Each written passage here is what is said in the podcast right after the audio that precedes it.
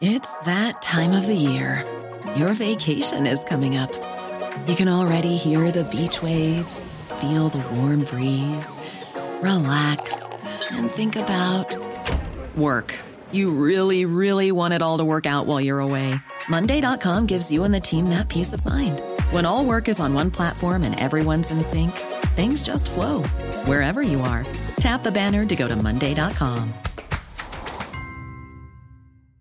There's never been a faster or easier way to start your weight loss journey than with PlushCare. PlushCare accepts most insurance plans and gives you online access to board-certified physicians who can prescribe FDA-approved weight loss medications like Wigovi and Zepbound for those who qualify. Take charge of your health and speak with a board-certified physician about a weight loss plan that's right for you. Get started today at plushcare.com slash weight loss. That's plushcare.com slash weight loss. plushcare.com slash weight loss. Hvordan vil sjefene for våre to allmennkringkastere oppsummere nyhets- og medieåret 2023? Og hva ønsker de seg aller mest for det nye året? Det lurer vi på denne uka, Svein Tore. Ja, denne uka, vi er jo i romjula. Ja, men det er en uke, det òg. Ja, det er jo Siste uka i året. Du vet at det er en arbeidsuke, egentlig? Eh, det har det ikke vært i mitt liv så lenge jeg kan huske. Det må jeg være ærlig på. Nei. Men det vi skal huske på, at det er noen som jobber nå. Så det, Ja. jeg irriterte meg når jeg jobbet i romjula uh, når jeg var yngre. Så tenkte jeg, må ikke tro at alle har fri, for det er Nei. noen som jobber, Nei, sliter og holder på. Det er noen som holder hjula i gang. Absolutt. Men eh, det er jo ikke romjul, da, for det, vi må være åpne på at vi tar opp dette før romjula. Ja, nå er det førjulsstress. Ja, Eh, noe voldsomt. Vi har ikke kjøpt alle julegaver, men det er vi helt rolig på. Vi har ikke kjøpt alle julegaver. Jeg vil gå så langt som å si at vi har vel egentlig ikke kjøpt julegaver. Og vi skriver nå 21. Ja, det går bra. Lykke til. Vi skal ha to flotte gjester i dag. Ja. Jeg tror vi skal bare gå i gang med det, egentlig. ja, vi kaller de kringkastingssjefer, men det er vel strengt tatt bare den ene som er kringkastingssjef. Men ja, den den andre andre er jo også sjef for en kringkasting. Ja, og, og ikke bare det, men det, det kalles en allmennkringkaster. En kommersielle allmennkringkaster, altså TV 2. Ja, Dette Så- må vi få rede på. Ja, vi skal snakke litt om det òg. Men eh, skal du ønske dem velkommen? Ja, Velkommen, Vibeke Fyrst Haugen. Tusen hjertelig takk. Selveste kringkastingssjefen i NRK, da. Og du, Olav Sandnes, eller Olav T. Sandnes, kan vi nå få vite hva den T-en står for, forresten? Det er bare å sende noe på Vips, så finner du ut av det. Driver du og sender ting på Nei, Vips nei, til men Olav da får man jo vite Det folks mellomnavn. Da får man jo vite folks mellomnavn, det er jo så gøy. Men kan du avsløre det, Olav? Ja, jeg kan det. Terjesson. Og Terjesson. faren min heter Terje. Ah, nettopp. Ja, ja. Velkommen begge to. Tusen takk. Vi skal uh, oppsummere både medieåret og året, men det skal jo primært være en hyggelig prat. Uh, men det har vært en litt sånn stri høst for begge dere, vet jeg. Eh, Vibeke, du har hatt eh, saker, skal vi si det, som har dominert nyhetsbildet, hvor du har måttet stå skolerett og svare for både bamseguttsak og diverse. Og du, Olav, du har eh, gjøvet løs på det største kuttet, kostnadskuttet i TV 2s historie. La oss bare ta, ta det med en gang. Hvordan har høsten vært, Vibeke? Nei, altså hvis jeg kan få begynne med å si at det har jo vært en travel høst. Eh, absolutt. Og så, og så er det jo sånn at eh, i en stor virksomhet som vår, så skjer det jo ting eh, til stadighet. Så det er jo ikke sånn at det er helt enestående, men jeg syns det har vært en travel høst. Og du eh, eh, Det kommer vel kanskje til å bli litt snakk om eh, den TV-serien 'Ingen elsker bamsegutt'. Mm. Og det er klart at det har jo vært en veldig alvorlig sak for oss, som eh, har krevd eh, ekstra oppmerksomhet også internt. Så det har eh, preget de siste eller november, vil jeg si. For Mm. begynnelsen av desember, så absolutt. Men hvordan har det preget deg? Altså, eh, når sånne ting skjer, så, så handler det jo om å, å Er det jo bare å rydde kalenderen, eh, og så gå eh, løs på de oppgavene som dukker opp. Og så er det jo sånn at når en sånn situasjon inntreffer, så er det jo er det jo veldig uoversiktlig. Hva er det egentlig som har skjedd? Hva handler det om? Hva skal vi gjøre? Hvordan skal vi gjøre det? Hvor fort skal vi gjøre det? Hvor grundig skal vi gjøre det? Så disse avveiningene, det er jo det det handler om. Det skjønner jeg. Men du svarte ikke på spørsmålet mitt. Nei, hvordan det har vært for meg? Ja. men Nei, altså jeg må si Det er én ting, hvis jeg kan få lov å ta et skritt tilbake. og Jeg har tenkt at vi som medieledere, vi har godt av å bli utsatt for det samme som vi utsetter folk for rett som det er. Og det er krevende. Ja. Det er skikkelig krevende. Mm. Men det er jo en del av det. Eh, Og det er en utrolig nyttig erfaring. Og så har jeg jo fått erfare det før også. Eh, Men jeg, jeg syns også at det er, en viktig, det er viktig at NRK driver med kritisk journalistikk også mot kollegaer og ledere. Når vi gjør feil, så skal vi passe på at vi også dekker det på en måte som vi hadde dekket det på hvis det hadde skjedd andre steder. Det kan vi jo skrive under på. Altså, vi hadde jo eh, Dagsrevy-anker Ingrid, Ingrid Stenvold i eh, studio og, og snakket om det intervjuet hun gjorde med deg. Hun la ikke noe imellom der. Eller Nei. hvordan følte du det? Nei, jeg altså, Ingrid Stenvold er en glitrende programleder. Det må jeg virkelig si. Hun er god journalist, nyhetsanker. Eh, Jeg har veldig sansen for henne, og vi hadde jo ikke snakket sammen på forhånd. Nei. Eh, Og jeg syns at hun gjorde en eh, veldig god jobb den kvelden også. Og så er det Ja, det er, det, det er jo ikke noe enkelt, men sånn må det være. Men hva er det du har lært, Vibeke, som du nå kan ta med deg videre i den, fra den erfaringen? I møte med andre som ansvarlig redaktør? Ja, ikke sant? Det, vi har jo snakket, og dette skal vi jo snakke mer om, nå går jo vi litt inn i av, hele hva skjedde. Eh, Og det skal vi bruke litt tid på, og identifisere læringspunkter. Men, eh, men det, det jeg har lært er at? Det oppstår en veldig sånn forventning om at sånn Det har gått fem minutter, hvor blir dere av? Hva skal dere gjøre? Ja. Som om det ikke er det vi sitter og forsøker å finne ut av. Har dere noe annet å gjøre også? Ja. Nei, men det er, jo, det er jo det det handler om. ikke sant? Det handler jo om å, å, å finne ut av hva vi skal gjøre. Men jeg tror den, akkurat den, det du sier nå altså Jeg husker jo godt uh, Gard Steiro i VG etter Mhm. den saken hvor de Altså Bar Vulkan-saken, hvor Ja. de ble kjørt eh, Sofie- Sofie fra Hellemyr, skanse ja. til skanse. Så var det nettopp det Gard sa. Altså, mediene de gir oss jo ikke tid. Altså, De har ikke noe forståelse for at det tar litt tid. At vi må snakke med flere snakke mennesker med, og det finne er læringen til alle Ja. Mm. ansvarlige redaktører når du står i mediestormen. At jøss, de banker jo på De gir seg jo faen De gir seg jo ikke. Ehm, og det tror jeg kanskje er nytt, nyttig Ja. da for dere å, å merke. Det er veldig nyttig for oss alle å merke. Og så registrerer jeg jo også at vi er jo som bransje veldig opptatt av oss selv. Kanskje litt mer enn publikum, til og med. Litt mer opptatt av oss selv som bransje.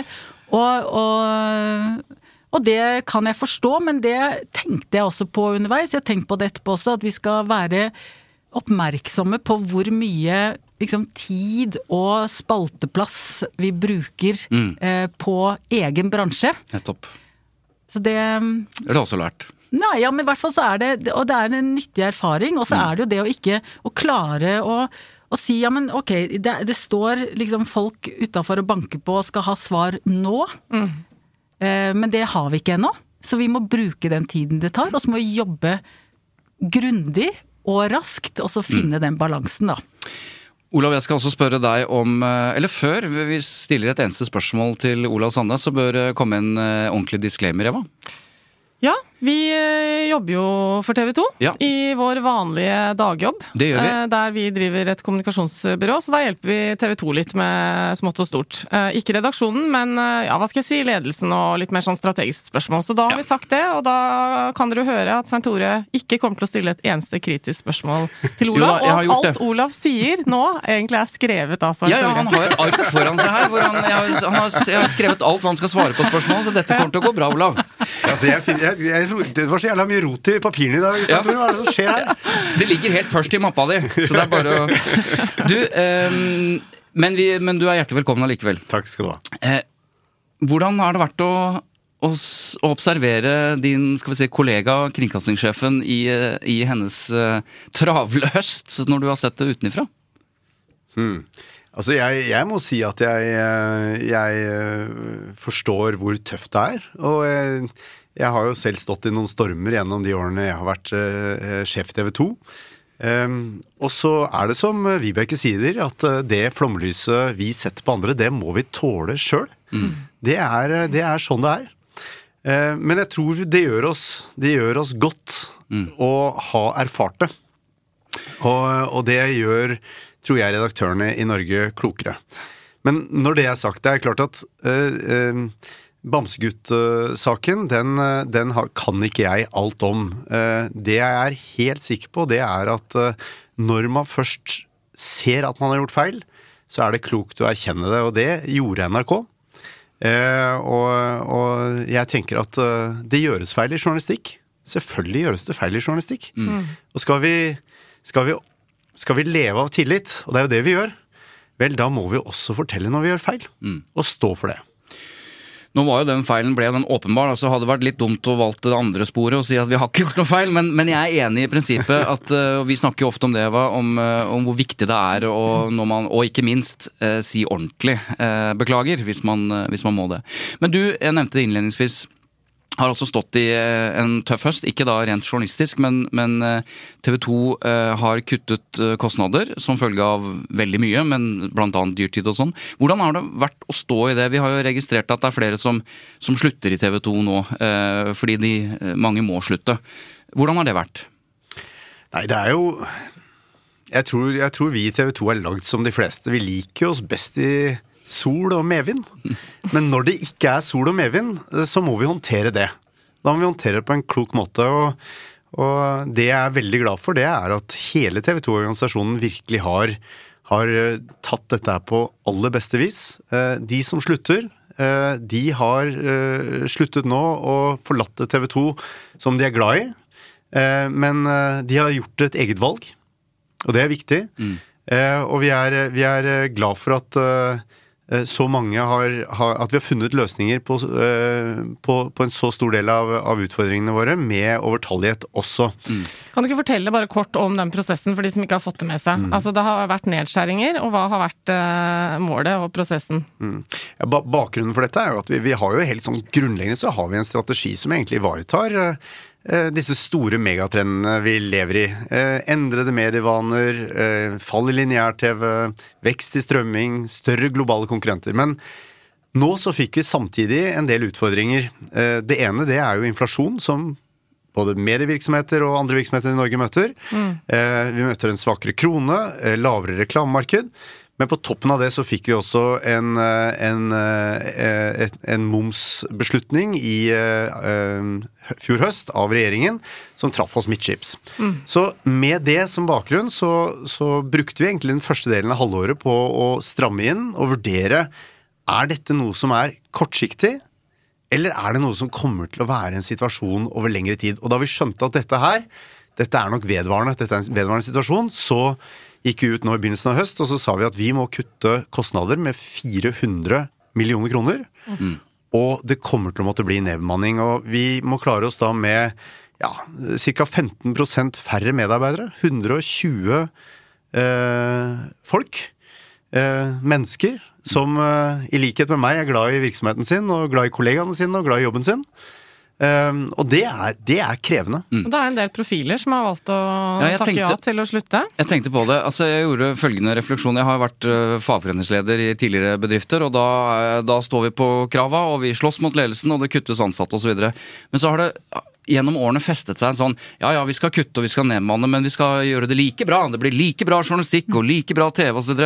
På et eller annet tidspunkt så må man jo slutte å si det, for det, det, gjør det jo ikke. Det har bare... egentlig mediene sagt i en tiårs tid nå. Ja, at eh, vi skal fortsette å gjøre det like bra ting. Det er aldri så mange som har lest oss. Og, men, men Olav, som Eva sier, altså Fredrik Gressvik, en av de største profilene i TV 2, har slutta. Det er flere som har slutta. Mm. Noen vil jo si at da, det blir et fattigere TV 2, altså i dobbel forstand. Men hvordan, hva svarer du på det når, når, når, når påstanden om at dette går ordentlig utover TV 2 og TV 2s leveranser, da, det de skal sende? Nei, det, det, er, det, er, jo sånn at jeg faktisk ikke har sagt det. Jeg har sagt det motsatte. Jeg har mm. sagt at dette her påvirker TV 2. Det mm. påvirker journalistikken vår, vår evne til å dekke eh, samfunn. Eh, det påvirker ikke minst vår evne til å være en motor i et eh, mediecluster i Bergen, som, som, har vært veldig, veldig viktig. Og jeg har også vært tydelig på at hadde det ikke vært for den momsbeslutningen til regjeringen, så hadde vi ikke behøvd å si opp journalister. Så det er direkte konsekvenser av det vi sitter og ser på nå. Mm. Men, eh, men, men så er jo jobben vår å sørge for at det har minst mulig konsekvenser. Mm. Og det er kanskje derfor vi medieledere står og sier akkurat det. At eh, vi skal fortsatt klare å dekke dette på en bra måte. Og det skal vi skal gjøre alt vi kan. Den gjengen som er igjen, og det er altså da 85% av våre ansatte som er igjen, de kommer til å kjempe som løver, de. For å gjøre en kanonjobb også framover. Blant annet konkurrere med NRK. Dere er jo i hvert fall i Norge hovedkonkurrenter, og det må jo være deilig Vibeke, å sitte og se på at han eh, Olav må kutte 400 millioner, så du kan ta ta, dra ifra litt. Grann. Ta imot noen av de, de som slutter i TV 2 òg. Nei, vet du hva? Når det går dårlig i norsk mediebransje, så er det eh, ikke bra for noen av oss. Så det, det er ingenting ved det som er positivt. Det er, det er dårlig for oss alle at det går dårlig med mediebransjen, eh, og at, det, at vi må kutte. Men til akkurat det vi snakket om nå, så jeg har lyst til å si at sant, alle står foran store utfordringer, og dette kommer jo bare til å vedvare. Vi må finne nye måter å jobbe på. Vi blir færre alle sammen. Vi startet året også med å kutte 55 årsverk i NRK. Ja. Ikke sant? Eh, Og dette skjer år etter år, så blir vi færre, vi må kutte på kostnader, finne nye måter å jobbe på. Men det vi må si, og det vi må tro på, og det vi må finne ut av, er jo hvordan er det vi kan løse oppgavene på nye måter. Og de siste, det var en av dere som nevnte de siste 10-12-15 årene. Altså alt som har skjedd i, i teknologi, alt som fins av muligheter, nye måter å produsere på. Det er klart det er måter å jobbe annerledes på nå som gjør at vi kan få til mye for mindre, men hver gang vi må kutte Vi skulle kutte 330 millioner kroner. Og hver gang vi må gjøre kutt, alle som må kutte, selvfølgelig får det konsekvenser. Og det Jeg har ikke hørt noen medieledere som prøver å, å skjule det, men, men det er jo noe med å si ok, nå er dette Nå har vi tenkt, og vi har jobbet, og vi, dette er her vi tar kuttet. Og så er dette det som får minst konsekvenser for publikum, og det tror jeg er gjennomgående for oss alle. Vi leter etter de kuttene som gjør minst vondt hos publikum. Hva er de nye måtene å jobbe på? Ja, altså Nå er det jo masse snakk om KI, for eksempel, og de Vi kaller det AI i dette studioet, bare så det er klart. Vi Ja, har nemlig hatt Inga eh, Strumke Ja. på besøk, så vi kaller det AI. Ja, men bare vent en dag, så kommer hun også til å si KI. Det er jeg helt sikker på. Det er jeg helt sikker på. Jeg syns det er flott at vi kan finne, at vi kan eh, finne norske uttrykk. Men, men, men, eh, men ikke sant, se bare de fra jeg, jeg begynte å jobbe i NRK for hva, 25 år siden. Og da jeg var ute på opptak for eh, 15 og 20 år siden, så var, altså da gikk vi ikke ut av døra uten at det, det var fem stykker i en minibuss, og det var så mye utstyr, Ja. uansett hva vi skulle gjøre. Nå er det én som går ut, eller to, eller små team. Vi kan, vi kan håndtere Ett menneske kan liksom kjøre lyd og lys og, og bilde. Det, ikke sant? det er så mange ting som er enklere. Redigere. Ja. Men tenk på ikke sant? Så det er Ja. eh, Det er Det skjer store ting, og det gir mange muligheter. La oss bare plukke opp det, Olav. Altså, hvis vi ser litt på det medieåret eh, vi har gått igjennom. Så eh, vi har snakket mye om dette med kunstig intelligens, eh, som har gått inn i arbeidsprosesser i flere mediehus, med altså, verktøy som gjør det effektivt å jobbe osv. Men, men det som vi har snakket mest om når det gjelder medieåret, det er denne kampen om sannheten. Altså fake news, eh, redaktørstyrte mediers posisjon, ikke bare i Norge, men i en global sammenheng. Eh, og i mine litt sånn mørke stunder tidlig på morgenen, så er jeg veldig, veldig bekymret for eh, redaktørstyrte mediers posisjon. Du ser i hvert fall hvis, hvis, det er i, hvis i Norge kommer i nærheten av det det er i en, en del andre land, så ser det nesten ut som om vi er i ferd med å tape. Men når jeg blir positiv, så tenker jeg at det skal vi faen meg få til. Men Så du begynner dagen med liksom sånn ja. og så går det oppover? Men jeg er interessert i hvordan, helt ærlig, hvordan dere ser, eh, liksom ser utviklingen de neste årene når det gjelder akkurat denne kampen om sannheten. Denne eh, redaktørstyrte mediers aller viktigste oppgave. Liksom reflektere litt rundt det, Olav. Så det, det å kikke krystallkula er jo ikke enkelt. Men jeg, jeg, jeg deler jo bekymringen din, Svein Tore. Og jeg tror jo at ikke sant, det, det, det privilegiet egentlig alle vi rundt bordet her har hatt, da, med at uh, vi kan si 'jeg så det', derfor er det sant. Det kan faktisk ikke den generasjonen som kommer nå, ha. Mm. De må stille seg kritisk selv til det de ser. Ja. Og tenk dere hva det gjør med tillitssamfunn, sånn som våre. Um, og, og jeg tenker jo i sånne tider så vil det være ekstremt viktig, ekstremt viktig å ha redaktørstyrte medier som kan verifisere, og som kan eh, formidle sant og sann journalistikk.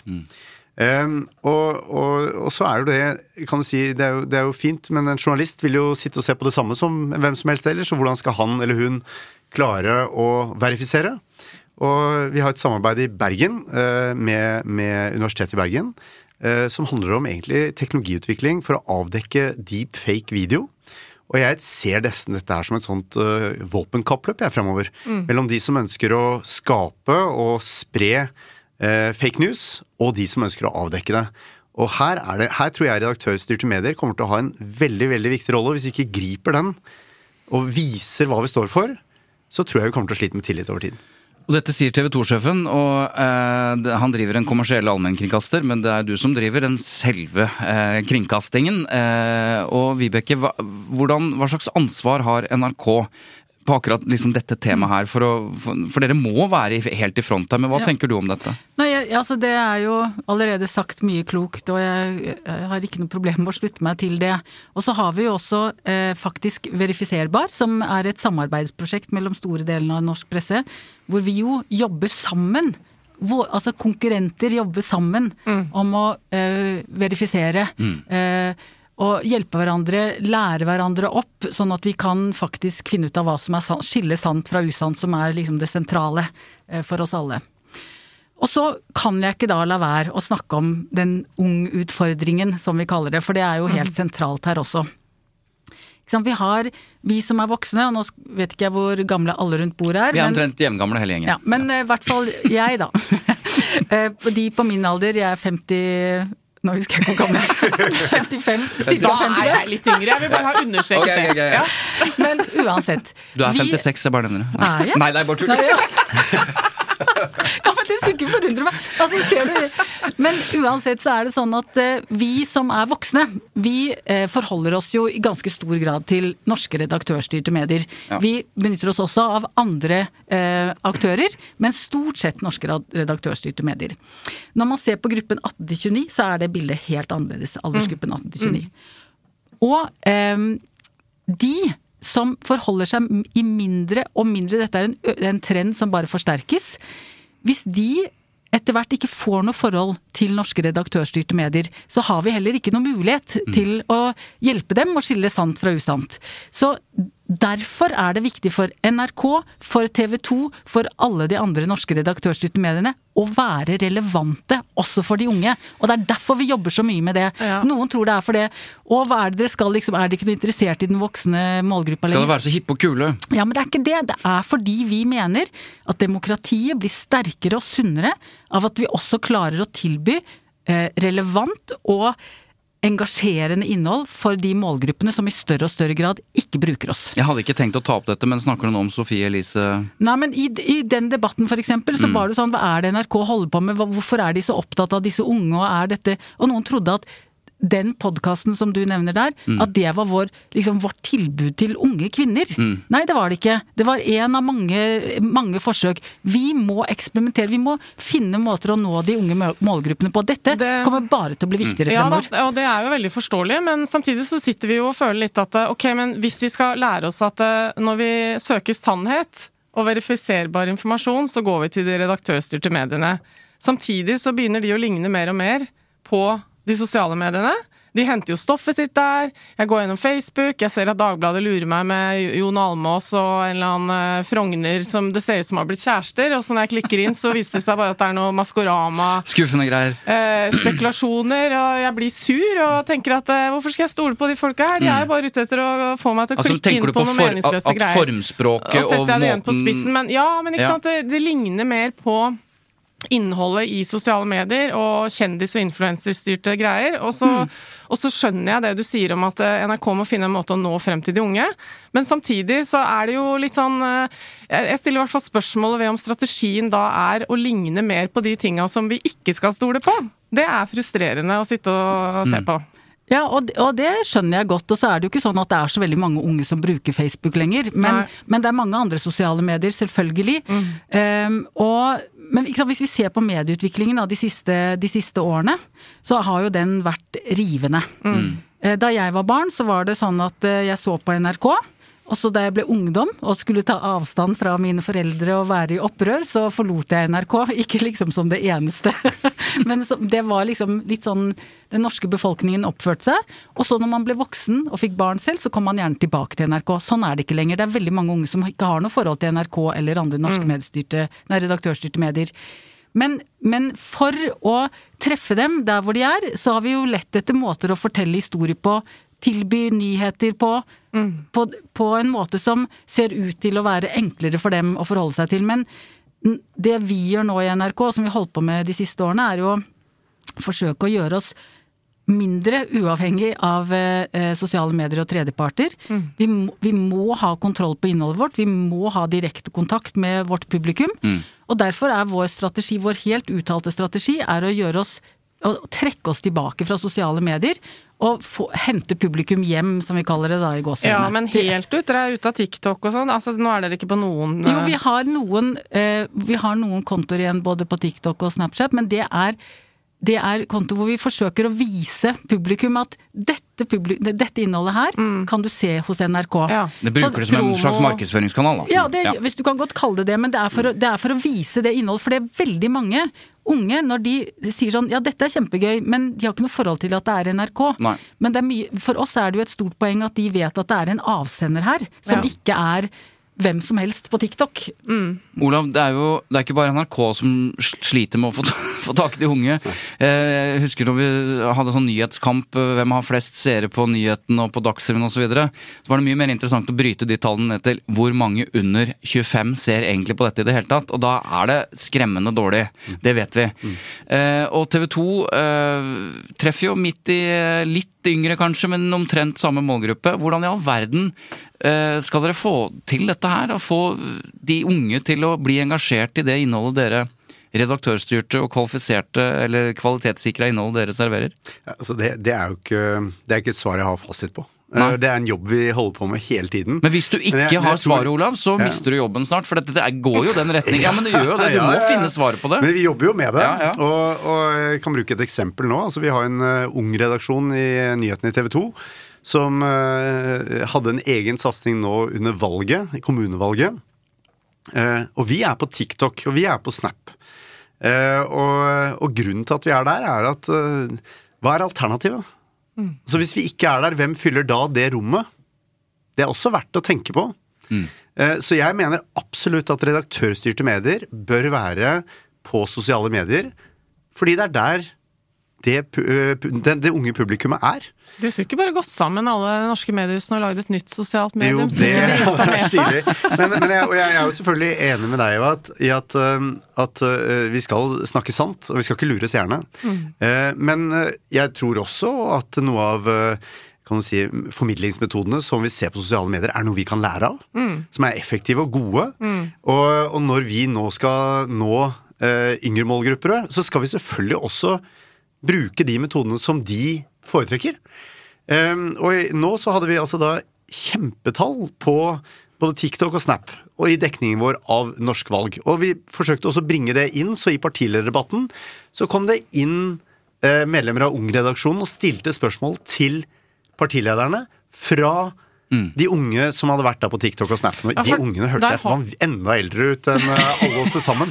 Der har dere jo et slags ansvar, fordi det er jo enkelte politikere som er veldig sterke og tydelige på sosiale medier. Mm. Enkelte partier, og andre nærmest fraværende. Og, og det vil jo si at ikke de når frem med, Ja, ja. politikken. Og mange forklarte jo Unge Høyre sitt brakskolevalg nå nettopp øh, fordi de er såpass til stede på det sosiale mediet. Men du viftet litt med armen her, Vibeke, hva til dette her? Nei, ja, Om tilstedeværelse på sosiale medier, så jeg har jo lyst til å si Jeg, jeg forstår veldig godt det, at, eh, at det er eh, mange gode grunner til å være på sosiale medier, også for norske redaktørstyrte medier.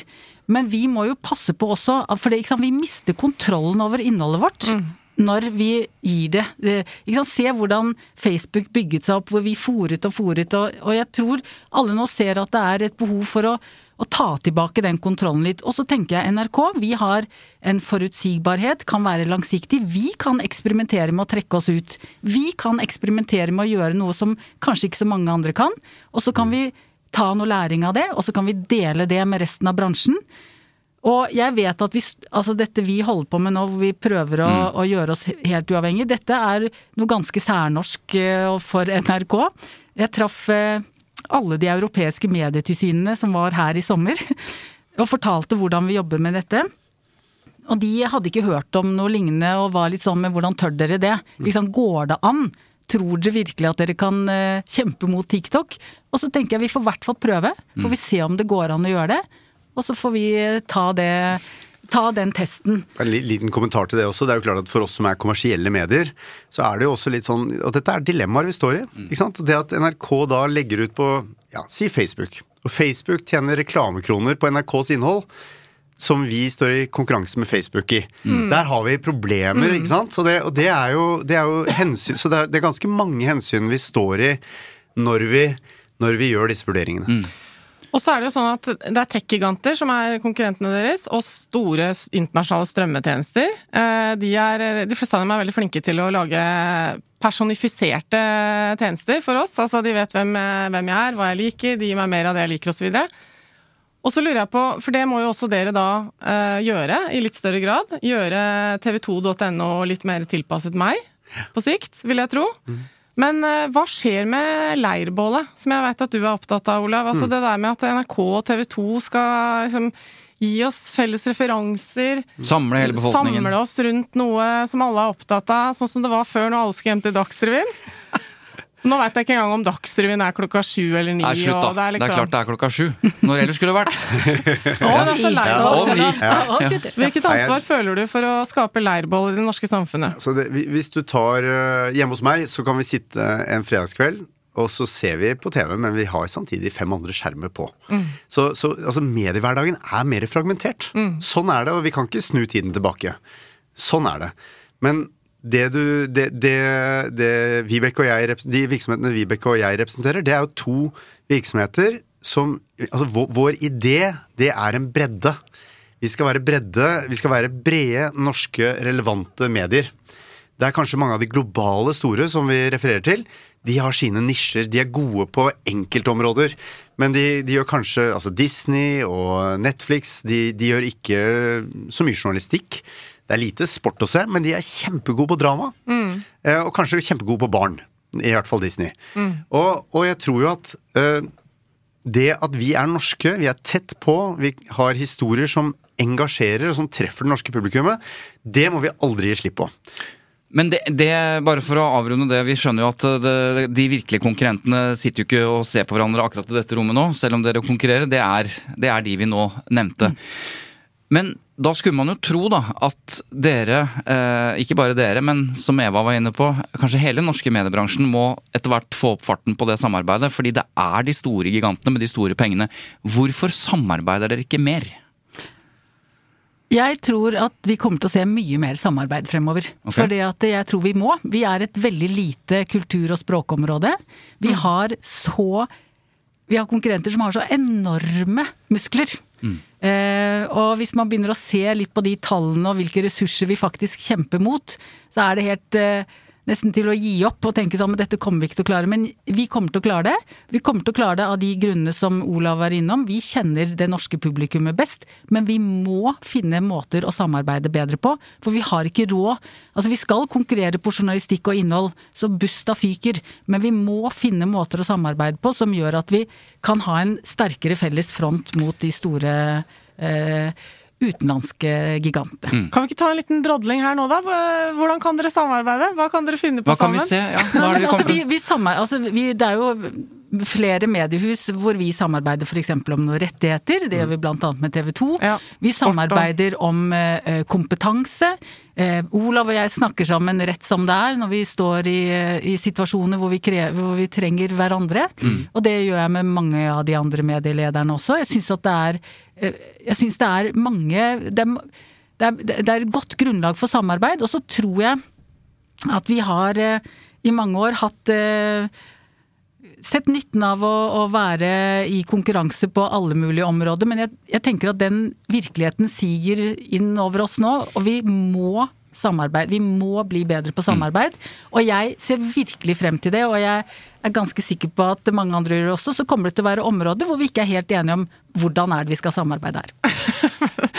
Vi, du tok ordet mens Olav snakket om drama. NRK er jo ganske gode på å få til drama. Da. Ja. Dere har jo skapt et leirbål Men jeg eh, trodde ikke jeg skulle få anledning til å si noe om samleengasjere samle og engasjere alle som Men, ja, men takk skal du ha, for det samle og engasjere alle som bor i Norge er jo et av våre liksom overordnede Ja. Ja. virkelige ambisjoner. Og det- plikt dere har også. Ja, men husk, vi har et oppdrag som er beskrevet i mer enn 50 punkter. Vi skal i tillegg til alle de språkene, så altså? Det er ikke bare samisk, som noen tror, men det er liksom tre forskjellige samiske språk. Det er tegnspråk, det er nynorsk, det er, det er, eh, det er et ganske sånn bredt spekter av ting. Vi skal holde oss med et kringkastingsorkester, vi skal ha drama, vi skal ikke sant? Det er veldig mye vi skal, og det er et oppdrag vi er veldig glad for.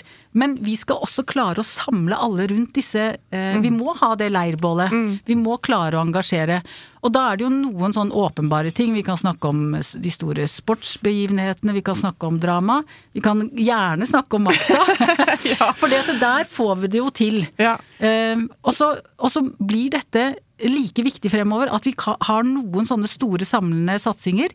Men at vi også klarer å treffe de gruppene som opplever at vi er de eneste som leverer noen til nettopp dem. Dere får det jo til, eh, ikke bare fordi dere har eh, skapt en eh, veldig interessant TV-serie, men også litt sånn tekniske lure grep, da. Ved å legge ut én episode i uka, alle ser det på søndag kveld, alle snakker om det mandag morgen. Del to av sesongen er kommer ikke før gamle etter jul. Ja, det er nesten som i gamle dager. Det er gøy at du sier at vi er sånn lure som legger ut en gang. i uka. Nå har det blitt liksom det smarteste man kan gjøre. Ja, men det er jo det. Men, men det er helt sant. Jeg har, nå har jeg tilgang på de neste episodene av Makta. og jeg Da går ikke du herfra nei, før nei, vi har fått den du lenka til de seks episodene. sikkerhetsvakter, du, nå Men vet du hva? Jeg begynte å se på den eh, første av de episodene, og det er så bra, folkens.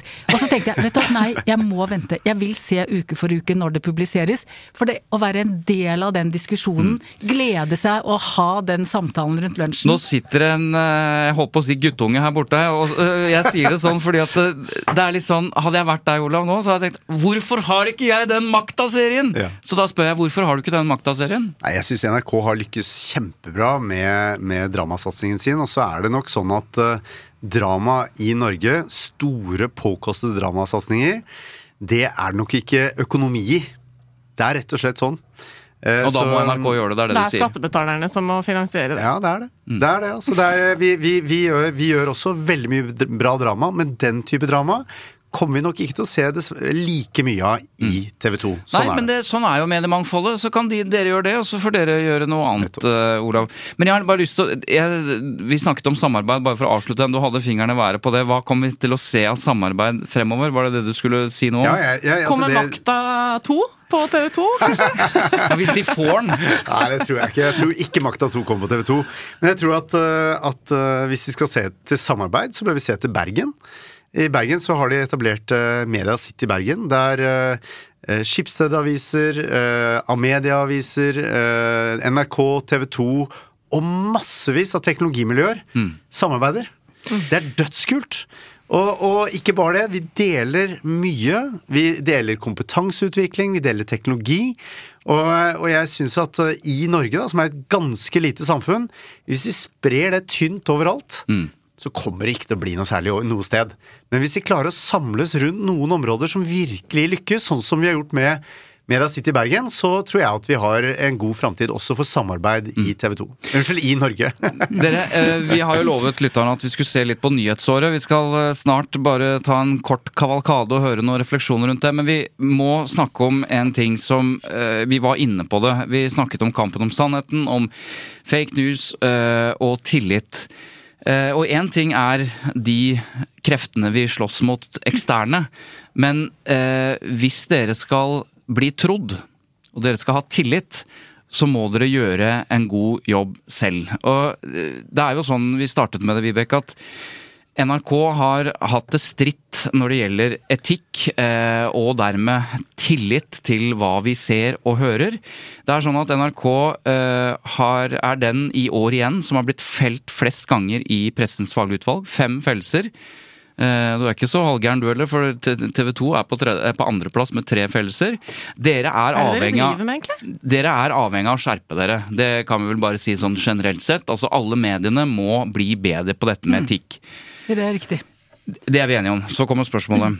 Hvorfor er det sånn at eh, det er ti år siden Romkvinnesaken på NRK, som var en kjempestor eh, og omtalt feil dere gjorde.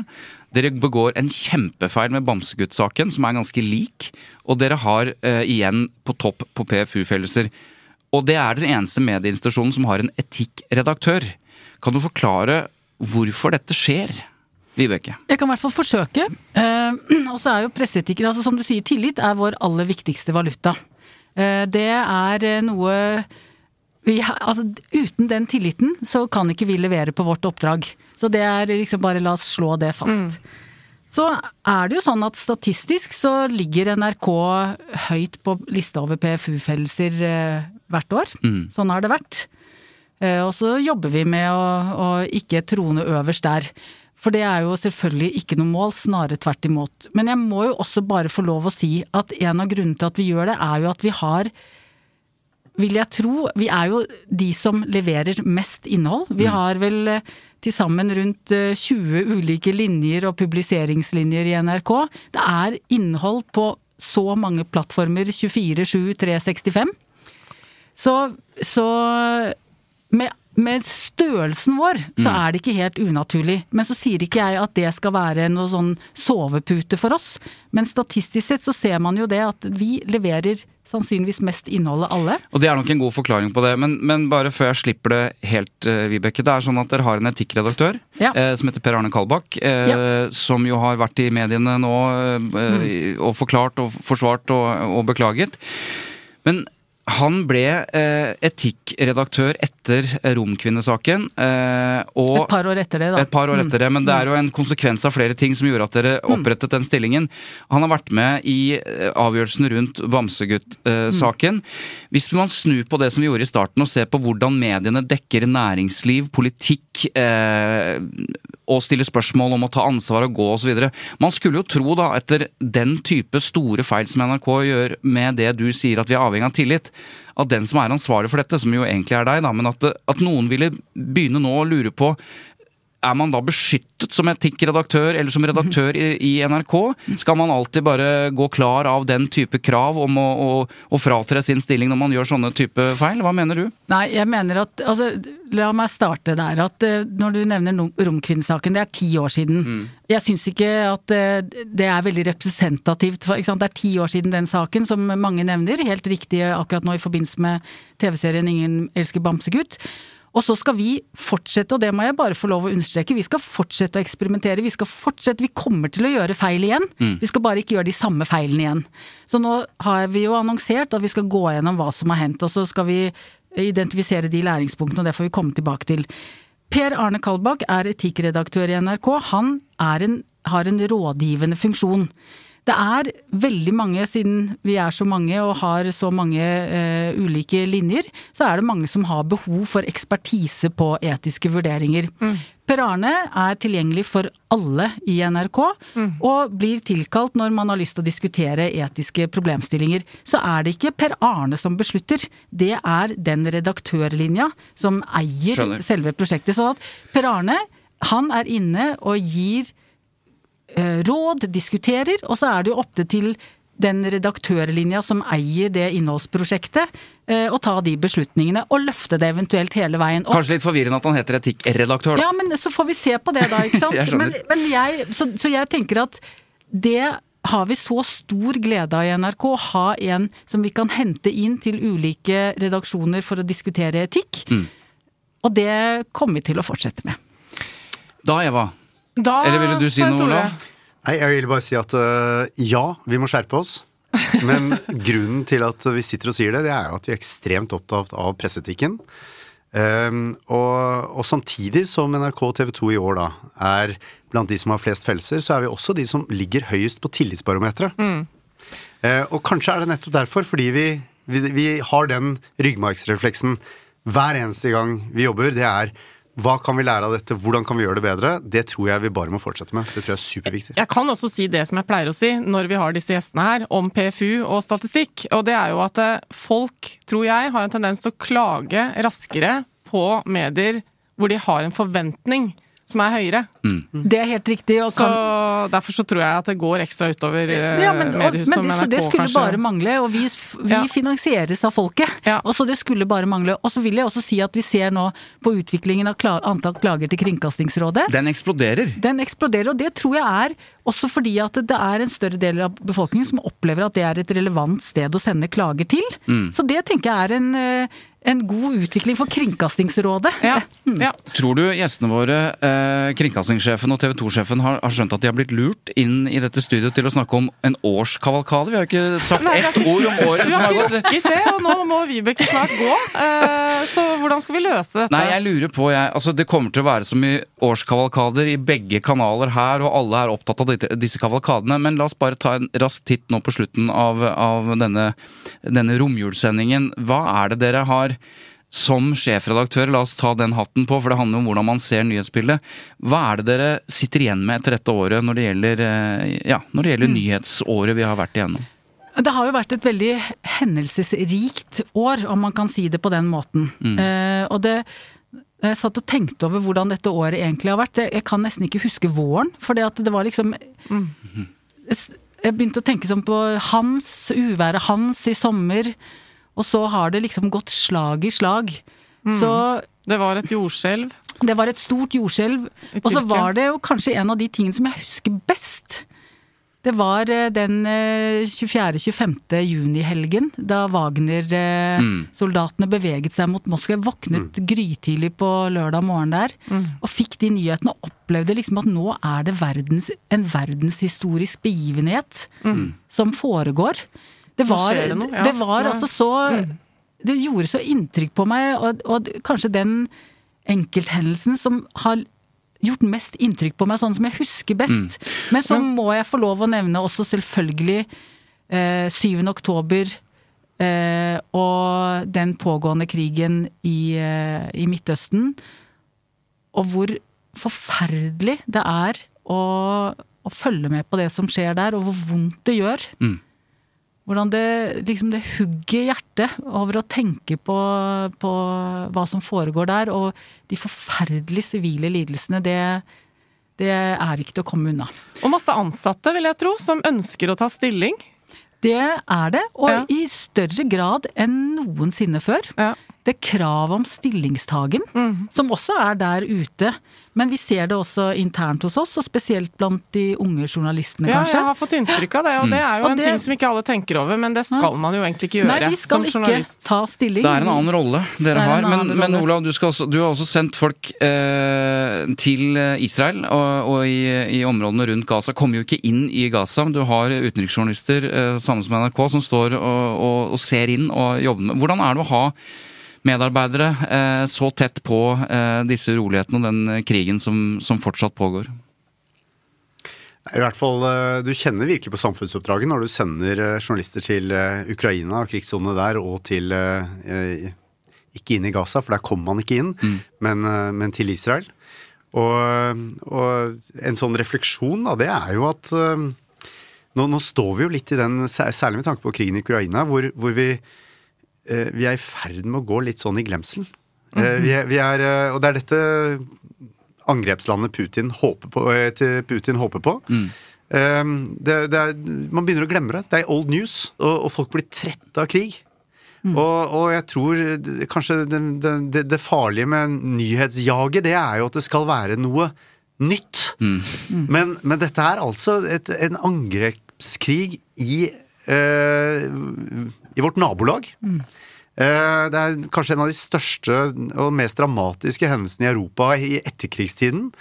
Og det å, å glemme det, fordi det, det Nå skal jeg ikke sammenligne det med det, med det som med krigføringen i Gaza akkurat nå, men, men, men det er jo klart at det er så mange ting som tar oppmerksomheten til enhver tid. Og vi snakker om vår egen dyrtid her i Norge, som ja er krevende eh, når man har på norske briller.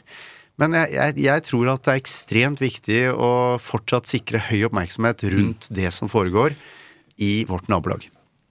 Og kan jeg, altså vi har også, som TV 2 og mange av de andre mediehusene, styrket vår utenriksoperasjon. Eh, gjennom dette året. Eh, og det, dette kommer jo ikke til å bli mindre viktig fremover. Vi kan jo også hvis vi kikker litt inn i 24, så kan vi jo se for oss at det er noen andre konflikter også som, eh, som kommer til å få noen opp, noe oppmerksomhet fremover. Store valgåret, ikke Og det er, minst. veldig sto, det er store valg eh, på gang. Eh, vi har, det er en situasjon rundt Kina og Taiwan som eh, vi kan ikke sant? Det er mange ting som skjer. Og, og det at vi klarer å ha folk ute i felt for å dekke dette, det er eh, avgjørende. Det kommer til å bli det også fremover. Men jeg har lyst til å si en ting, Vibeke, fordi du nevnte Wagner-saken. Eh, Etter hvert så eh, ble jo han angivelig drept i en flystyrt. Eh, Og jeg sier angivelig fordi jeg med min sunne skepsis var var ikke helt sikker på om det var sant. Men det ble meldt på TV. Jeg satt sammen med sønnen min på tolv. eh, Og så sier jeg til han eh, ja, jeg vet ikke om jeg tror på at han er død. Eh, Det veit vi jo ikke om er verifisert osv. Og, så og så sier han jo, men de sier det jo på NRK. Åh, det varmet et kringkastingshjerte. Nå ble jeg varm om hjertet, men Men så sa jeg til han, men hør hva de sier. For de sier eh, Wagner skal være drept i en flyulykke. Og der det er detaljene der. litt sånn finurlige for et barn, da. Men jeg syns det er litt interessant at de har fått med seg litt, da. Vi lander med en slags alvor. Eh, Vi vet ikke hva 2024 bringer, men eh, jeg har lyst til allikevel, eh, siden det er den høytiden vi sitter i, å høre hva, hva er det dere gjør i jula, Olav? Altså, Fram til i går så var jeg ganske sikker på at jeg skulle med slekta mi og familien min opp til fjells. Ja. eh, Og når du sier i går, så er det før jul, da, selv om vi nå sitter det i er romjula. før jul, fordi Ja. da traff koronaen eh, familien min. Så nå er vi spente. Men dere vet at korona nå bare er en forkjølelse? Nei, det er jo nedgradert, så du kan bare dra på fjellet, ingen- egentlig. ingen nyhetsverdi vil jo ikke lenger. ha smitten, da. Nei da, det er sant. Men du skulle egentlig vært på fjellet, men, ja. men... så kanskje vi blir hjemme, kanskje vi stikker opp til fjellet. Vi vet ikke, men vi skal i hvert fall eh, eh, ha noen rolige dager. Ja. Og så skal jeg se på TV 2, og så skal jeg se på NRK. Eh, for det er også masse folk som ikke har, har det sånn, at de har masse folk rundt seg. Og det å ha selskap også i, eh, i gode og kjære og kjente konsepter i den tida her, det har også en funksjon. Vi skal aldri glemme det. Og hva ønsker du da, Olav? Ikke under juletreet, men for 2024. For 2024 så ønsker jeg meg eh, Ja, nå må jeg være bransjeorientert, så Ja, må jeg si, si eh, Jeg ønsker meg uh, framtidsretta eh, rammebetingelser for mediebransjen. Mhm. Som sikrer redaktørstyrte medier på en bedre måte enn det vi har sett i den siste tiden. det han egentlig sier, nå, han vil ha tilbake til- den momsen som han ble fratatt eh, tidligere. Som eneste nyhetsmedie. Ja. ja. Vibeke, Ja. først jula di og hva du ønsker deg. jeg skal til fjells. Ja. Eh, og gleder meg altså så utrolig til å ha noen forhåpentligvis rolige dager. For jeg skal ikke jobbe denne jula. Det er mange som skal det. Du men- tror at du ikke skal jobbe denne jula, men plutselig så skal du se at eh, Plutselig så skjer det noe, men sånn er det jo. Men satse satser på en eh, rolig jul på fjellet med, med familie, storfamilie. Det er noen andre hytter i nærheten og blir masse folk. Eh, men jeg håper at det blir mest søvn. Det er det, det, er det jeg skal eh, Søvn, bøker, Ja. gjerne litt eh, fjernsyn og radio. ja. Må du ikke jinxe det. Nei, Men, eh, Hva ønsker du deg for 2024? Ja, men siden vi snakket om eh, Gaza og Ukraina, så må jeg si Er det lov å si fred? Det må jo være lov å si i romjula. Ja. Det er nesten sånn at når man håper på fred i verden, så kan kan man ikke lenger ha et sånt ironisk eh, distanse og blikk til akkurat det utsagnet, fordi det er det vi må ønske oss mest av alt, er å få enten det er våpenhvile eller en eller annen avslutning på det som ser ut til å, å være kriger som kan vare en stund, men vi får bare håpe. Jeg vil uh, trekke det videre òg. Jeg ønsker meg fred eh, litt mer sånn i uh, ordskiftet. Ja, Jeg syns det er litt slitsomt ordskifte. Det er så mye kakofoneri og mye woke og masse maste greier. Folk raser raser hele Fred og forsoning i 2024, på alle plan. Da skal vi takke av gjestene våre, Eva, og så skal vi takke til lytterne veldig snart. Men tusen takk begge to, kringkastingssjefene for både NRK og TV 2. Veldig hyggelig å ha dere her. Mm. Veldig hyggelig å være her. Og så er siste spørsmål er hvorfor har dere ikke en mediekritisk eh, program på kanalen deres? Vent og se. Oh. Ja, Det har ikke fortalt dette, men jeg har snakket med Vibeke om at, at Tut og Medier skal bli en del. Skal Ja, vi tar det på nyåret. Tusen hjertelig takk for at dere kom. Godt nyttår. Takk skal du ha. Hei. Ja, da var gjestene ute. Det gikk jo fort, da, så vi rakk jo ikke gjennom alt, men eh, det, sånn er det. det Sånn er det som regel, Eva, at Ja. ikke vi rekker alt. Men det var en veldig hyggelig Altså, de er hyggelige folk. Ja, men de fleste er det når man kommer litt innpå dem. De aller fleste, i hvert fall. Men syns du jeg var litt uh, skarp eh, på dette? Jeg fikk henga på dette Nei da, etikk-greiene? det- sånn er det jo. Vi må jo stille de spørsmålene som alle lurer på. Ja. Uh, Og så kan det jo hende at noen da føler at du hadde litt slagside mot NRK, men det var jo kanskje også NRK som har vært mest i stormen. De har nok vært det vært det, kanskje, ja. Men uansett, eh, som du sa, vi rakk jo ikke innom alt. De nevnte noe av det som har, eh, ja, de har lagt merke til, og da er det selvfølgelig krigen som eh, vi snakker om, og vi Ja. snakket litt om, om andre ting. Og det var ting. Nato og Finland med i Nato, Sverige som måtte vente, og Trump har vært tiltalt en haug av ganger, og vi har hatt Vi har fått ny konge i Storbritannia, og dronning og Ja, greier. fader. Og... Du vet hva, det er jo en, egentlig en veldig fin kjærlighetshistorie. At Camilla og Charles nå er dronning og konge. Ja, det er sant, det. Tenk på det! Så dama som var gamlekjæresten hans, Ja. som han forlot for å bli sammen med Diana, og så var utro med og holdt på, ikke sant, og så ble de sammen. Og så fant de hverandre til slutt. Og nå er den Hæren flytter meg en dronning. Nei, det var vakkert. Ja. Eller det kan ses på som vakkert. Ja.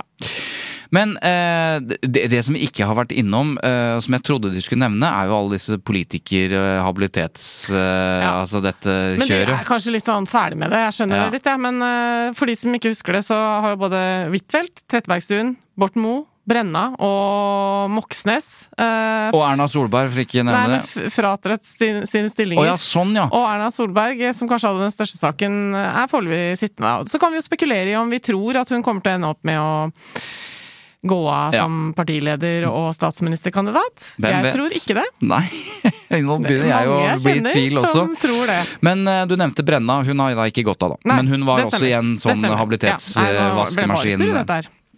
Men uh, det er uh, Vi skal også bestemme oss nå i romjula, Eva. Skal vi si det? Vi skal bestemme oss for Ja. om vi skal fortsette med tut og mediekjør. Ok, eh, det, det, det tar du opp sånn helt på direkten her. Ja, Når er det ellers vi skal ta det opp? Det er jo nå er nå vi snakker om det. Ja, skal vi fortsette da, syns du, Svein Tore? Det er jo en del ting som taler for. Mhm. Og det, det viktigste er at det er sabla gøy. Ja, det er, eh, det er veldig sånn irriterende kvelden før og dagen Ja. før, når vi innser at uh, uka har løpt fra oss. Ja. Så er det veldig hyggelig når vi er her. Dette blir litt navlebeskuende at vi tar opp en diskusjon om vi skal fortsette, men vi, vi kan vel si nå at vi har, vi har vært eh, i tvil om vi har kapasitet og mulighet og tid til å fortsette med denne mediepodkasten. Men det er jo hyggelig å ha en eh, anledning til å ringe TV 2-sjefen og kringkastersjefen og spørre om vi kan ha en liten prat en times tid på en uh, torsdag morgen. Og så har vi jo merket det at eh, folk sier ja, Ja. og det er veldig hyggelig. Så Det Vi som jeg syns er aller mest hyggelig, er jo at vi får henvendelser fra dere som hører på, eh, Ja. som eh, gir tydelig uttrykk for at eh, de gleder seg til hver episode. Og da kan vi vel ikke slutte, kan vi det? nei, så vi avslører vel ganske raskt at vi, vi kommer til å fortsette i 2024. Jeg tror det lå i kortene, Svein Tore. Men én ting er de som ringer, eller sender mail, av de fleste. Men i går Ja. så møtte jeg en sånn lytter på byen. ja, det er også gøy. Det skjer iblant. Ja, og han, han sier altså, det, vet du hva? Jeg er fast lytter, jeg syns det er kjempetrivelig, men du må si til Eva én ting. Ok, å nei, nå gruer jeg meg. Hva er det som gjør at Eva tror at lytterne driver og jogger hele tiden når de hører på den podkasten? Fordi det er det de skriver til meg. Ja, nei, for at han sier sånn Hun sier det hver gang. Ja, enten du jogger eller sånn. Det er ingen som jogger en time og hører på den ganske interessante podkasten, for det, det, da hører vi på musikk. Vi kan ikke Ja. høre på tut og mediekjør, Nei. reflektere rundt presseetikk mens vi løper med tunga på tredje knapphull opp i skauen her. Det er ikke det vi Ja, med. der det vil jeg si meg uenig. Det kan man gjøre. Ja. Jeg gjør det ofte. Han, er en, han sier at det, jeg er fast lytter, og jeg Ja, jogger ikke. Okay, jeg bare nei, skal ha sagt det. Jeg skal ta meg sammen og åpne opp for Ellers- andre lyttesituasjoner. Var han veldig, veldig glad. Ok. I, Ja, men det var hyggelig. Ja. Glad i meg? Han nevnte det òg seint på kvelden. At han er veldig glad i deg. Herlig. Ok, men uh, da har vi eh, sagt uh, god jul et par ganger. Vi har takket gjestene av. Det blir Tut og mediekjør også i 2024. Men ikke i uke én.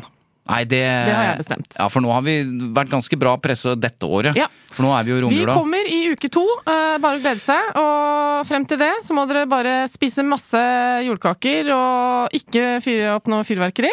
Nei. Det er miljøsvinn. Og så ta vare på hverandre, og tenk at eh, selv om eh, de fleste har noen å være sammen med i jula, så er det ikke alle som har det. Så Nei. ta en telefon, Ring eller en skjenk venn. en tanke. Ring en venn. Ring en venn. Ta vare på dere sjøl, og riktig gledelig jul. Send en overraskende melding til ett menneske rett før klokka tolv, som ikke forventer det. Mm. Og si takk for i år, og noe hyggelig. Og håper du får et fint 2024. Ja. Sånn. ja. Da kan vi si ha det. Ha det, Svein Tore. Vi stikker nå. Ja, ha det.